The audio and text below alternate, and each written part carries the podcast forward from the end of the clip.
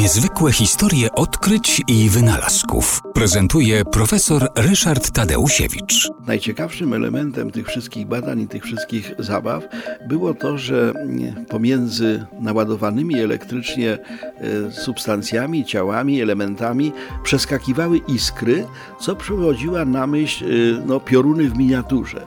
I wobec tego mm, dosyć szybko zaczęto sobie wyobrażać, że to, co e, manifestuje przyroda w jednym z najpotężniejszych swoich form działania, to znaczy burzy, burzy z piorunami, e, to jest zjawisko oparte rzeczywiście na elektryczności. Nie wiedziano jeszcze dokładnie skąd się ta elektryczność w atmosferze bierze, dlaczego pomiędzy chmurą burzową a Ziemią przeskakują iskry, ale zaczęto domyślać się, że jest to rzeczywiście zjawisko elektryczne. Człowiekiem, który to podejrzenie zamienił w pewność, był Benjamin Franklin, jeden z tak zwanych ojców założycieli niepodległości niepodległych Stanów Zjednoczonych. On był bardzo odważnym człowiekiem, bo w środek chmury burzowej wypuszczał latawiec i e, sznurek tego latawca, namoczony sznurek tego latawca sprowadzał ładunki. Zresztą e, Franklin uległ porażeniu elektrycznemu na skutek właśnie tego majstrowania latawcem wewnątrz chmury burzowej.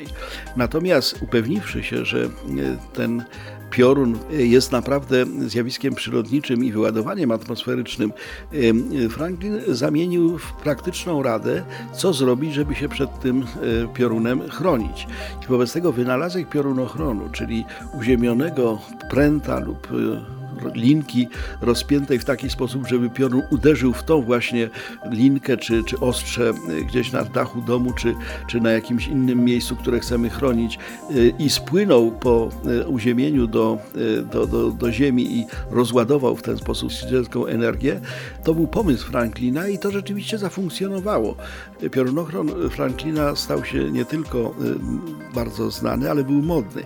Przypomnę, 1752 rok, sam sama idea powstała i wtedy mm, tak dalece wierzono w skuteczność piorunochronu, że nawet sprzedawano parasole, y, których szpice były właśnie metalowe jako odgromniki, a mm, człowiek niosący taki parasol y, powinien y, ciągnąć za sobą łańcuszek ciągnący się po ziemi, którym ten piorun miałby mm, do ziemi spłynąć.